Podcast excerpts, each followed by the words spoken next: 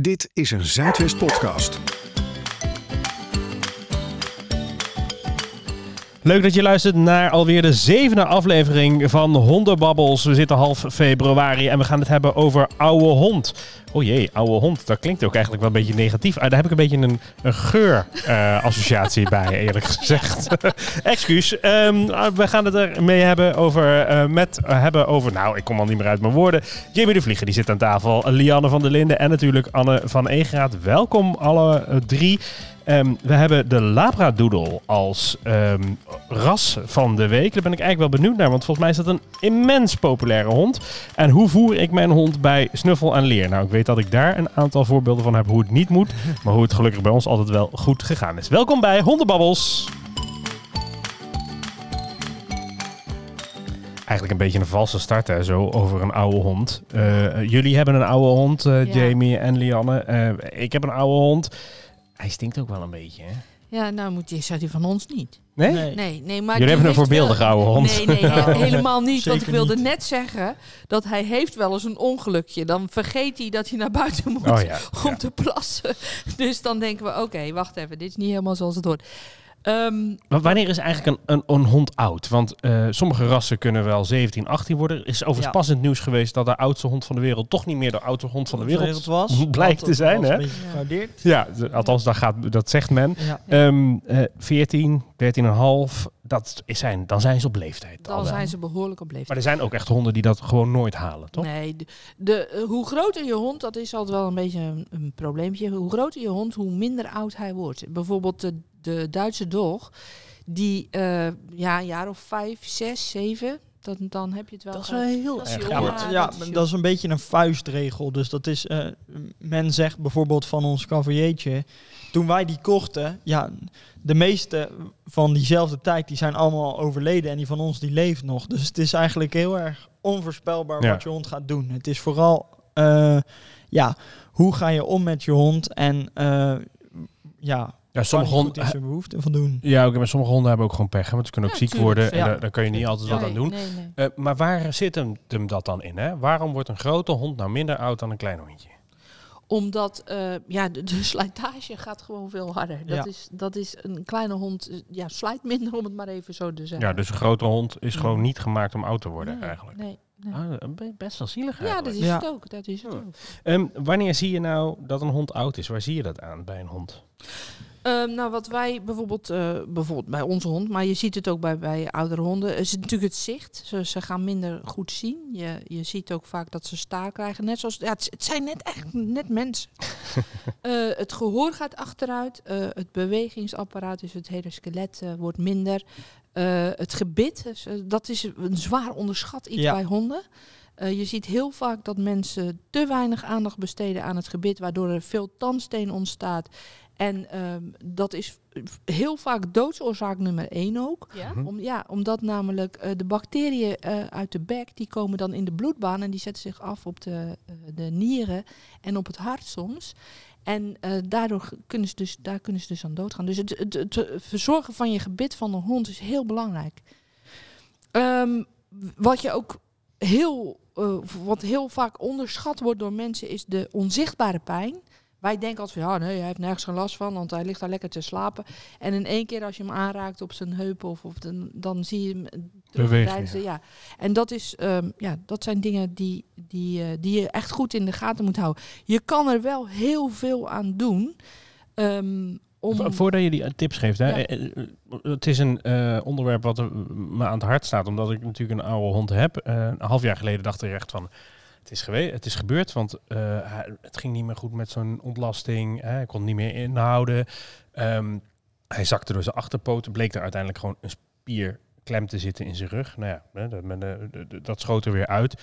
Bij de dierenarts laat zeiden ze, oh, zijn spieropbouw in zijn rug is nog heel goed. Dus hij is eigenlijk nog heel, heel vitaal.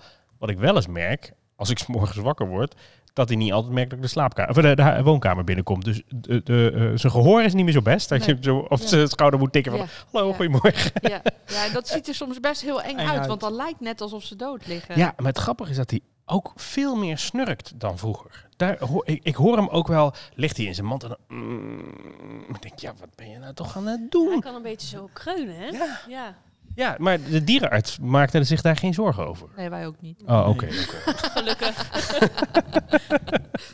Nee, oké. Maar eh, wat kun je dan, eh, wa- wat kun je voor een handvatten geven aan die hond? Wat kun je, waar kun je mee helpen om hem eh, comfortabel oud te laten worden? Eh, nog even een belangrijk iets is dat eh, honden ook dement kunnen worden. Mhm. Eh, en eh, doordat ze ook steeds ouder worden, omdat wij ze goede voeding geven, goede beweging, goede, eh, zie je dat dus ook terugkomen bij honden. En ehm, ja, nu ga ik misschien een hele rare vergelijking maken, maar ik heb een moeder gehad die ook dement was. En ik zag dus aan haar, want ik ging altijd bij haar eh, iedere week op bezoek. En als ik haar actief hield met spelletjes en met dan, dan functioneerde zij dus veel beter. En dat zien wij dus ook bij onze cavalier. Ehm, hij is eh, doof en hij is bijna blind. Maar zijn neus is natuurlijk nog supergoed. Dus wij eh, verstoppen dan allerlei brokjes voor hem. En dan komt hij dus eigenlijk helemaal in zijn element weer terug. Waardoor ja, je een stukje kwaliteit van zijn leven teruggeeft. En dat is hetzelfde met eh, de voeding die wij aan hem geven. Wij geven hele hoogwaardige voeding aan hem. Eh, eh, en hij, hij meer dan onze golden retrievers. Om zeg maar die bespiering op eh, peil te houden. En als je de bespiering op peil houdt, ja, dan blijft zijn bewegingsapparaat goed. En ja, voelt hij zich dus ook veel gelukkiger en, en, en voelt hij zich dus veel beter. Ehm, ja, waardoor wij er dus absoluut van overtuigd zijn dat wij hem dus op hoge leeftijd in goede conditie kunnen houden. Dus, Ehm, dus goede voeding en uitdaging. Eigenlijk geldt dat voor mensen precies hetzelfde natuurlijk. voeding Nou dat- kun je ik al blijf doen. maar zeggen. Ja. Het zijn bijna net mensen. Ja. maar dat, ik vind dat goede tips hè, voor een, een, eh, mensen met een oude hond. Ehm, maar ja, ik toch heel asociaal om het voor mezelf te vragen. Maar dat hij zo ligt te kreunen, waar ligt het dan aan? Nou, eh, ze zeggen toch ook altijd, oude mannen, die gaan toch ook altijd eh, heel veel snurken. Ja, Nee, ook een beetje stinken, hè, zeggen ze ook. nee, het is natuurlijk wel zo dat ze... eh, ja, het gaat allemaal wat moeizaam. Ja, ja, hè? Dus, dus dat... Wat ik ook... maar dat is dan niet om vanwege de pijn of zo. Nee, Nee. nou, dat kan ik natuurlijk Nou ja, nooit de, zeggen. ah, eh, Ik de, de dierenarts zegt het niet, hè? Die zegt Nee. van nee, hij heeft geen Nee. pijn, dat, En- dat merk ik. En ik geloof ook absoluut als een dier echt pijn heeft, dan, dan zie je dat heus Ja, wel. ja, dat ja. is het. Ehm, maar wat ik ook nog even heel duidelijk wil aanhalen, is dat eh, als ze slechter zicht hebben en ze horen slechter, dan worden ze onzekerder. Dus ook hier is het heel belangrijk dat jullie eh, ehm, zeg maar ervoor zorgen dat ze zich zeker blijven voelen. Door middel van die speurspelletjes met ze te doen. Dat ze dus weten van oké, wat moet ik doen? Je, je zei eh, net zelf toevallig al in een voorgesprekje tegen mij van... ja, ik zie wel dat hij in het bos dichter bij me blijft. Ja, het logisch, want hij heeft zoiets van... ja, ik moet bij mijn veilige factor blijven, want Ja. ik, ik kan niet meer zelf beslissen. En eh, jij haalt eh, de dierenarts aan en dat is de eerste optie waar mensen altijd naar toe gaan. Maar, Ja, ik was er gewoon voor zijn jaarlijkse check, Ja, hoor. ja. Dus, eh, ja. en, maar heb je nou het gevoel dat jouw hond moeilijker opstaat? Of denk je, oh, maar misschien heeft hij daar toch wat last van? Dan gaan wij het liefst niet als eerste naar de dierenarts. Want de dierenarts die zegt tegen jou, ja, we doen even een fotootje daar en een fotootje daarvan. En dan voel ik hier zo even. En eh, nee, kan niks vinden, sorry. En wat wij dan vaak doen, is dan gaan we kijken naar, oké, kunnen we bijvoorbeeld naar een fysio? Die kan jou veel gerichter oefeningen geven om bijvoorbeeld die achterhand sterker te maken, zodat hij weer makkelijker door het leven gaat. Of door osteopaat. Eh, misschien zit er iets in zijn pootje niet lekker. Mhm. Die eh, maakt hem een stukje losser. En Ja, dan wat kan jij hij weer eigenlijk had ook meewegen. met die, eh, Met die rug. Met die Ja. rug. Ja. Ja, d- uiteindelijk is dat er dus gewoon uitgeschoten, zeg Ja. maar. En, Nou, wij doen onze honden sowieso preventief altijd. Een, ieder hal- half jaar naar de osteopaat om gewoon te kijken van oké, hoe is het met ze? Zoals, wij, ja, zoals een mens naar de tandarts gaat. Ja. Hè, Je, je hebt geen last van je tanden, maar je gaat iedere half jaar naar de tandarts om te laten zien of je. Nou, Ja. dat doen wij dus met onze honden ook. En ja, sommige mensen zeggen, ja, hoe ver ga je dan? Eh, hallo. eh. ja, Ja. wij zetten het welzijn van onze dieren heel hoog. hoog. En dat is een keuze. Hè? Dat, het- iedereen moet dat voor zichzelf weten. Maar wij vinden dat heel erg belangrijk. En zeker ook voor de oudere honden. Het Ja, grappige is dat je, jullie zeggen, hè, je moet een oudere hond dus ook uitdagingen geven en eh, goed voeden, et cetera. Ehm, dat is niet zo heel veel anders dan met een pup. Dus, dus eh, heeft een oudere hond dan wel echt andere behoeften dan, dan een wat jongere hond? Nou, niet per se inderdaad. Een oudere hond is... eh, eh, ja, daar hoef je minder aandacht en tijd aan te besteden. Want een pup moet je natuurlijk nog leren wat je wil. Ja. op het moment dat jij een oudere hond hebt, ja, en je loopt tegen bepaalde dingen aan, dan kun je hem nog steeds dingen aanleren. Maar ik ga ervan uit dat jij het meeste wat je wil al aangeleerd aan hem hebt. Ja, ja. En dat is bijvoorbeeld bij onze hond. Soms vergeet hij dus om naar buiten te gaan. En dat willen wij niet. Dus we leren hem, oké, als je echt naar buiten moet, dan moet je met je pootje tegen de deur aan. ja. Nou, dat doet hij nu. En dan weet ik, oké, het is zo laat, ik moet de deur open doen. Maar, kun je dat een oude hond nog leren? buiten. 100 procent. Oké. Dat kan je altijd nog leren. Het Hoe is, leer je hem dat dan? ja, als we dat nu moeten uit gaan leggen, dan, Het is niet Ja, makkelijk. daarvoor dus. zitten we hier. ja, dan, dan zijn Doe in de we... volgende podcast. Ja, ja. Goed? Ja. Nee, maar ik, eh, eh, eh, ehm, ik denk dat wij dat bij de Oscar altijd wel hebben gedaan. Hè? Van als je moet proberen het aan te geven, als je naar buiten moet, on- Mhm. buiten het wandelen om. Ehm, maar als een hond al vergeet om naar buiten te gaan, vergeet hij dan ook niet om tegen die deur aan te tikken. Maar de behoefte om te plassen blijft hetzelfde. Ja. Dus hij weet dat hij moet plassen. Hij moet alleen leren wat hij moet doen in die handeling. En dat is waar het vaak misgaat. Hij weet niet welke handeling die uit moet voeren. En het duurt hem allemaal te lang, dus hij laat het gewoon lopen. Ja, ja, ja. Ehm, we hebben het in de vorige podcast ook al eens over gehad. Mensen die een oudere hond hebben, die gaan dan er een, een puppy bij nemen. Omdat dat dan leuk is voor die oudere hond, zeg maar. En dat ze ook niet zonder komen te zitten. Ehm, die interactie met een puppy voor een oude hond is dus niet altijd het beste. Hè? Dat zei je vorige keer ook. Nee, wij hebben bijvoorbeeld, eh, om- even weer ons eigen voorbeeld te noemen. Wij hadden eh, natuurlijk die, die oudere cavalier, was toen 13. En toen kregen wij een, een, een Rottweiler puppy daarbij. De puppy dacht, yes, dit is leuk. En hij dacht, nou nee. en nou hebben wij gelukkig een teef die dat even geregeld heeft. Die heeft gezegd tegen die puppy, dat gaan we niet doen. We gaan opa met rust laten. En eh, dan, dan is dat dus geen probleem. Maar je moet echt dat managen. En dat kan wel. Hè. Het is niet dat je nu denkt van, oh jee, nu kan ik geen, eh, geen puppy nemen omdat ik een oude hond. Maar dat moet je wel managen. Dat, dat Ja. kan je niet. Geef die oudere hond gewoon rust. Hè, en dat geeft dus extra doorslag in de keuze die hij moet maken om dus een nieuwe hond te nemen. Ja, ja, dus daar moet je ook rekening mee houden. Ja, Hè, niet alleen maar wat voor een hond wil je zelf, maar ook wat past er in je eigen roedel, Ja. ik maar zeggen. Maar het is wel ook, wat wij wel heel vaak ook zien, is dat oudere honden. Net, ja, het zijn, ja, wat ik al zeg, het zijn net mensen. Als je, nee, maar als je naar het bejaardenhuis gaat met een, met een, met een jong kind, dat vinden, vinden oudere mensen heel erg leuk. Dus je ziet ook vaak dat ze dan juist die oudere honden opleven. Als ze dan zo'n puppy, dan gaan ze ook weer gek doen, gaan ze ook weer rennen en zo. Alleen ja, je moet het dan wel managen. Als, als dan eh, eh, die, die hond moe is, dan moet je hem gewoon rust geven. Gewoon in een andere ruimte leggen of met Ja. iets met een traphekje of zo. Dat zo regelen. dat, eh, En, en, kun je alles nog met je ho- hond doen? Of heb je nog speciale tips van eh, ga eens een keer zwemmen of juist net niet? Of... Ja, dat ja. is een beetje, daar moet je een beetje een grens in trekken. Dat is eh, eh, onze cavalier bijvoorbeeld, die had een hekel aan zwemmen. Heeft het dan eh, eh, nut om bijvoorbeeld bij de fysiotherapie hydrotherapie te gaan doen? Ja, Oscar komt ook maar tot zijn knieën in het water. Hoor. Dus, eh, En ehm, dat is een beetje een afweging die jij moet maken. Oké, ga ik mijn hond specifiek door iets dwingen waar ik van weet dat hij dat niet leuk vindt? Eh, ja, en dan ja, maar doe je dat dus bij je oude golden? Die Ja. vindt dat superleuk. Ja, En dat is dan weer heel erg goed. Want je kan dus ook hydrotherapie doen met honden. Ja, mensen weten soms niet eens wat er allemaal, allemaal mogelijk, is. Het is echt heel veel mogelijk met, met oudere honden.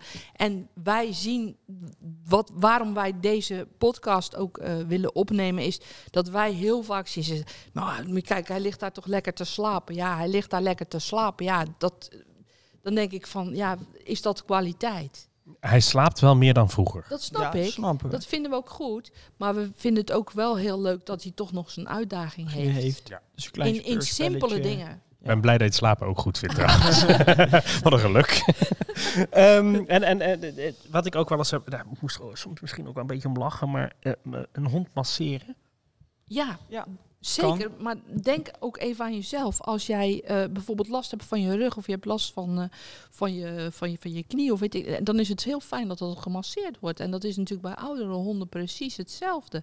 Die, die hebben soms last van hun, hun rug of, of, of, of ze, het, het loopt allemaal niet meer zo, zo lekker. Dan is het heerlijk om gemasseerd te worden.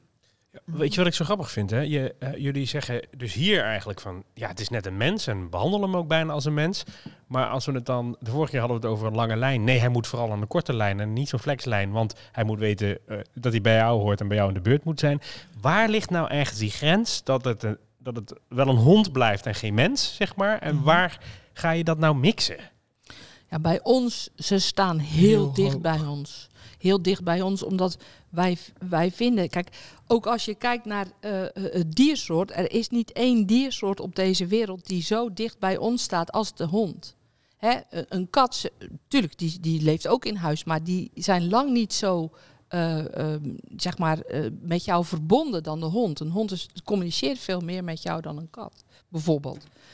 En ehm, wij stellen welzijn dus heel erg hoog eh, voor, voor het dier. En, en wij willen heel graag dat het dier goed in zijn vel zit. Ja, dan gaan, daar gaan wij dus heel ver in inderdaad. En ik denk dat het ook een, ja, dat je het aanhaalt, is dat je hond, die blijft altijd vijf jaar. En als een vijfjarige, als je een vijfjarige een aansteker geeft, dan gaat hij 100% ergens een fikkie stoken. En Eigen dat ervaring. Is, ja. en ehm, dat is wat je bij honden dus ook eh, het onderscheid moet maken. Is oké, waar geef ik hem ruimte tot en wat geef ik hem dan de ruimte toe om het te doen? Mhm. En dat is wat er dus ook heel vaak gebeurt bij bijvoorbeeld de grote honden. Is oké, ehm, ik doe je aan de flexlijn en zoek maar zelf uit wat je wilt doen. En dan vinden we het gek dat hij lelijk gaat doen tegen andere honden en personen. Dus in gedrag kun je eigenlijk nooit zeggen dat een hond volwassen wordt. Maar, Ja, dus hij wordt wel volwassen. Hij krijgt zijn puberteit en Ja. hij, eh, eh, ja, voortplanting en dat soort dingen, dat zit er ook helemaal bij. Alleen het stukje eh, daarboven nadenken over wat de gevolgen zijn van je acties, dat hebben ze niet goed in hun hoofd zitten. nee, dus daar hebben ze nog Ja. eh, hun baas voor nodig. Ja, of hun ouder, hè, wat, wat- bij een dat kind. is zeg Ja. maar het onderscheid tussen de hond en de mens. Is oké, je kan tot een bepaalde eh, hoogte zelf keuzes maken. En je weet graag wat je zelf ook wil. Alleen soms denk je niet goed na over wat de gevolgen zijn van de acties die je begaat. En dat is het verschil tussen een mens en een hond. Oké. We hebben iedere week een, eh, een ras van de week. En het gekke is dat we eigenlijk deze week een niet erkend hondenras hebben. Ja. Hoe dat zit, dat eh, horen we vast en zeker zo van Kiki. Want we gaan het hebben over de Labradoodle.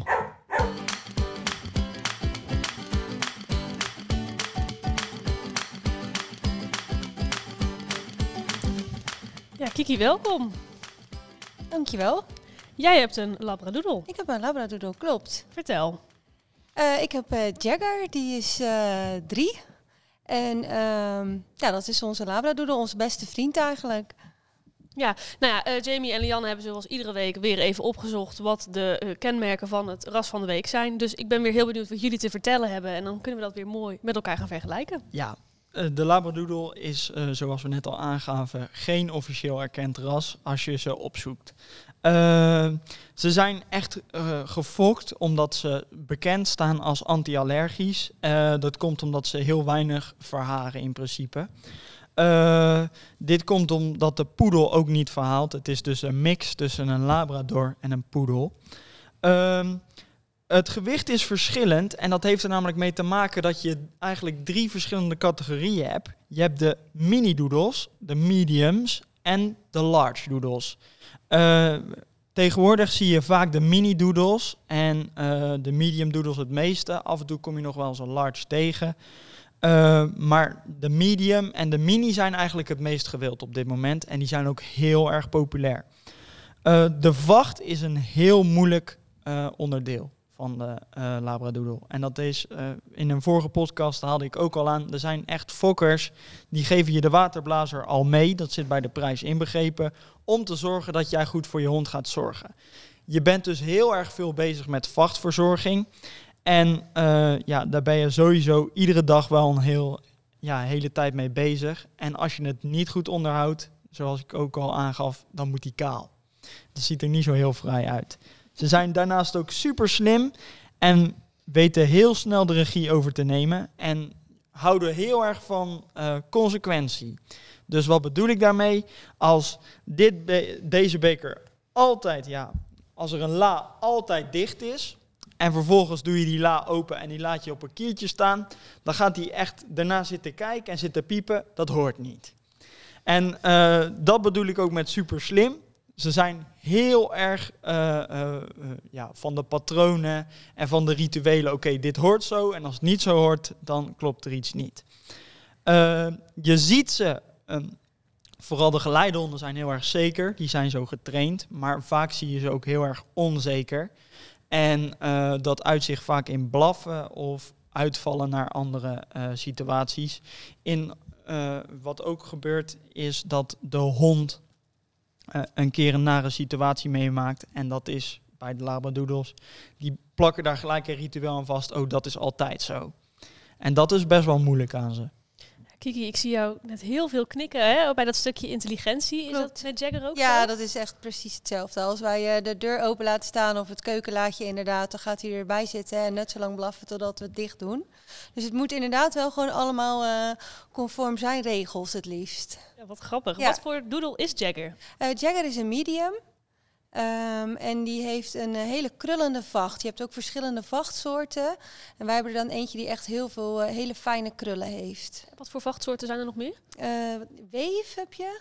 Ja, je hebt die, die wat langharige, eh, eh, die, die zijn wat, die hebben wat sluiker, sluikerhaar. Je ziet vaak als de, de poedel wat overheerst, dan krijg je dus inderdaad wat meer die krulvachten. Mhm. Nou, en waarom heb jij voor een labradoodle gekozen? Nou, het stukje ook wat Jamie wel aanhaalt van de allergie. Ehm, ik ben zelf heel erg allergisch, dus ik heb ook echt eh, eerst een, eh, een, eh, een, een paar keer getest met een labradoodle. Ook echt een weekend, om te kijken of ik erop zou reageren. Nou, toen uiteindelijk ben ik naar de fokker gegaan en heb ik daar ook echt nog een paar keer goed getest. En ook met de, met de moeder van Jagger. Ehm, ja, omdat ik ook zoiets had van, ja, ik, ik zou het wel heel erg vinden als je een hond aanschaft en je komt er na drie weken achter dat het toch niet gaat. En ehm, ik heb dan ook echt bewust gekozen voor deze vacht, dus voor die hele krullende vacht. Ehm, ja, dat was eigenlijk wel echt de grootste reden dat we, dat we voor hem gekozen hebben. En hij, en hij verhaart natuurlijk niet. Dat vind ik ook wel echt Ideaal, een hè? heel groot voordeel. Ja. Ja, dat is heel Ja, fijn. en hij is ook heel lief, maar ja, dat is natuurlijk eh, vanzelfsprekend. Ja. Eh, ja, de vachtverzorging is heel veel. Ja. Hè? Ben Ja. jij daar iedere dag mee bezig? Nou, ik ben er wel heel veel mee bezig. Ik, eh, ik kan hem inderdaad wel echt een paar keer per week. En hij gaat ook altijd naar de trimmer. Ik heb het geprobeerd om zelf te doen. Maar het was heel intensief. En dat, was ook echt, dat is echt wel echt moeilijk. Ehm, dus hij gaat altijd naar een trimmer toe. Oh, ja. ja. Ehm, even kijken hoor. Ehm, is er ook iets anders uitgepakt dan eh, jij van tevoren had verwacht?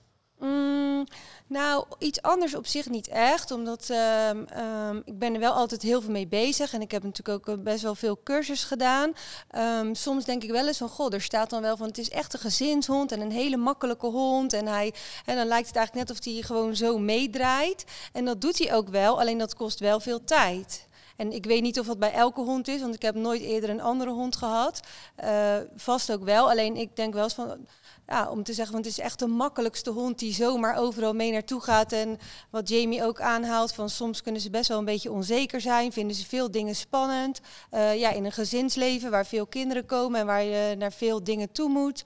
ehm, ja, vond ik dat in het begin zeker wel een, eh, wel een uitdaging. En dat gaat nu veel beter. Hij is nu drie, dus hij kan nu overal mee naartoe. Maar in het begin was dat wel, eh, dacht ik wel van, oh oké, dit, dit wordt wel even wat.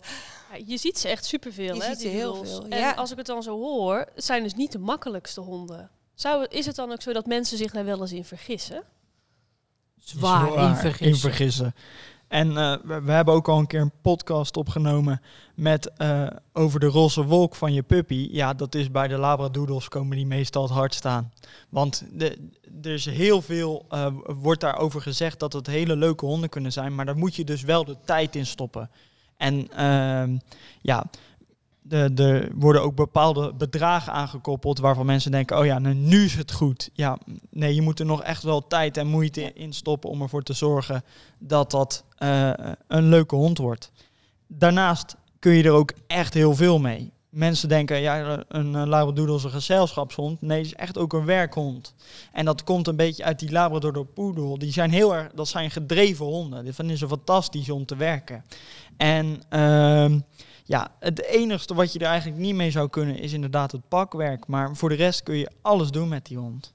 Doe jij iets van sport met Ja, nou, ik deed, doe inderdaad de behendigheid, deed ik altijd. En hoepers hebben een tijd gedaan. Ja, en ik ga inderdaad ook heel veel met hem lopen. Ik eh, loop echt eh, door de polder eh, en naar het strand. Omdat hij dat wel gewoon nodig heeft.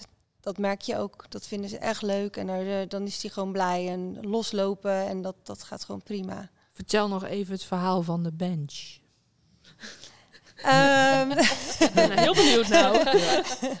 nou ja, goed. eh, eh, ik wist niet zo heel goed wat ik. eh, wat, ja, we hadden zoiets van bench, geen bench, wel een bench. Nou, Lianne was echt wel helemaal pro de bench. Dus op een gegeven moment heb ik Lianne gebeld. Ik zei: Ja, sorry, ik krijg het echt niet voor elkaar. Ik weet niet wat ik moet doen. Dus toen is Lianne even een avondje bij mij gekomen. En die heeft toen geholpen en ervoor gezorgd dat Jagger wel in de bench ging. Maar dat, dat, is, dat is gewoon. Ze hebben gewoon best wel gewoon ook een sterk karakter. En, en als ze iets niet willen, dan gaan ze dat ook ja, eigenlijk echt niet doen. Ehm, dus je moet wel een soort van. ehm, ja, toch wel even een draai vinden met ze. Dat, dat denk ik eigenlijk dat het meer is. En dat hebben wij nu echt. En dan, dan is het, ja, dan is het wat, wat ik zeg, het is onze beste vriend. Zou dat ook jouw tip zijn aan mensen die graag een labradoodle zouden willen? Ehm, ja, en, ik, en gewoon dat je er veel tijd voor hebt. Het is niet een hond die je er even bij neemt en die makkelijk is en die je zo, zo overal even mee naartoe neemt. Maar dat je als je er gewoon echt veel tijd in investeert en je gaat er goed mee op cursus en je doet leuke dingen. Je, gaat, eh, en je hebt ook de tijd om ze veel uit te laten en om er eh, echt actief mee bezig te zijn. Dan is het een fantastische hond voor eh, groot en klein, zeg maar. Dankjewel, Kiki. Nou, graag gedaan.